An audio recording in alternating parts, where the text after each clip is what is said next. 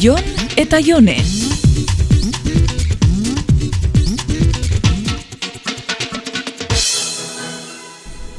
Gustatzen jatan zelan ari da geratzen. Lankideak be ikusi dabe, eta batek aitzatu zeban mapia ez dala oso ondo ikusten. Kalidade eskasa marra dakela irudixak. Bazilatzen ari zea, ezta? Bai, oso politxari da geratzen. Politxegi igual. Postala diruri. Joder, baina hori eskatu zenuten ta. Bidali zeniguten txostenean, okerrezpa naiz, gure kostaldearen postala egiteko eskatu zenuten. Beni kuentalo moduko asunto bat. Eh, esan detzut oso ondo ari dala geratzen. Ez politegia esan dezu.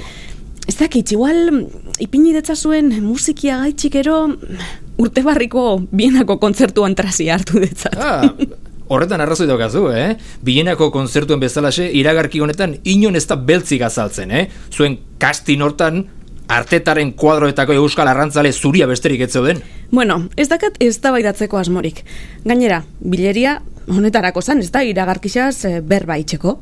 Ta bueno, bapatian, arte eta margolarixa sautzen dozula deskubritzeko. Ah, claro, eta decepzioa, ez da, ze pentsatzen zenun, zu bezalako intelektualek soilik ezagutzen zutela arteta? Ez naiz ni izan, arteta itxatu da bena. Arteta gutxiago eta bez gehiago.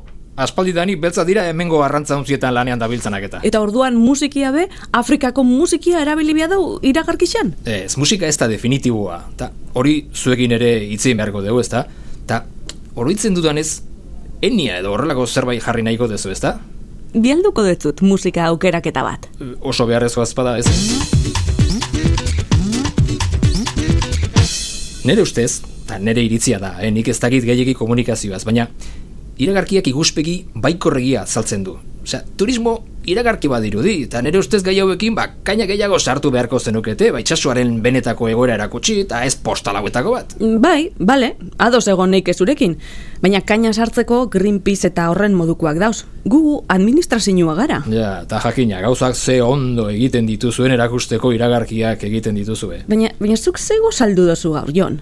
Ba, bera, bilera hain goiz jartzeko daukazun ohitura horrengatik ez dut gozaltzeko aukera izan. Ba, igual hori da. Guazen kalera kafe bat hartzera, ia lasaitzen zaran. Kafe bat? Lan ordutan? Seguraltzea? Benga, ezautzen dut eta zure tonito hori. Guazen kalera kafia hartzera. Jo, sorain bai, guain benetako funtzionari itxura hartzen hasi zea, eta gustatzen zait, eh? Eskero hasi naiz damutzen. Kontua da horrelako kanpainak egiten direnean burua zuritzeko egiten direla. Eta, eta, eta nabarmen egia izaten da dana. Bosta jola zaizue zertaz ari zeaten. Importa zaizuen gauza bakarra, ba, etekin politik bateratzea da. Ba nik sinisten dut, eitzen duguna garrantzitsua dela, eta emaitzak emoten dituala.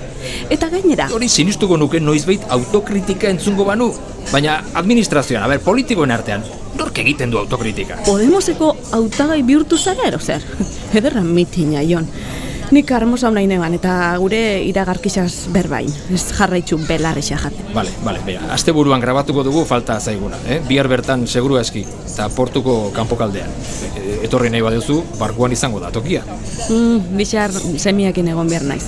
Jode, ba, etorri beharekin. Ah, ume bat da. Bost urte baino ez dakaz eta igual gazte gisa barkuan hainbeste denpora pasatzeko.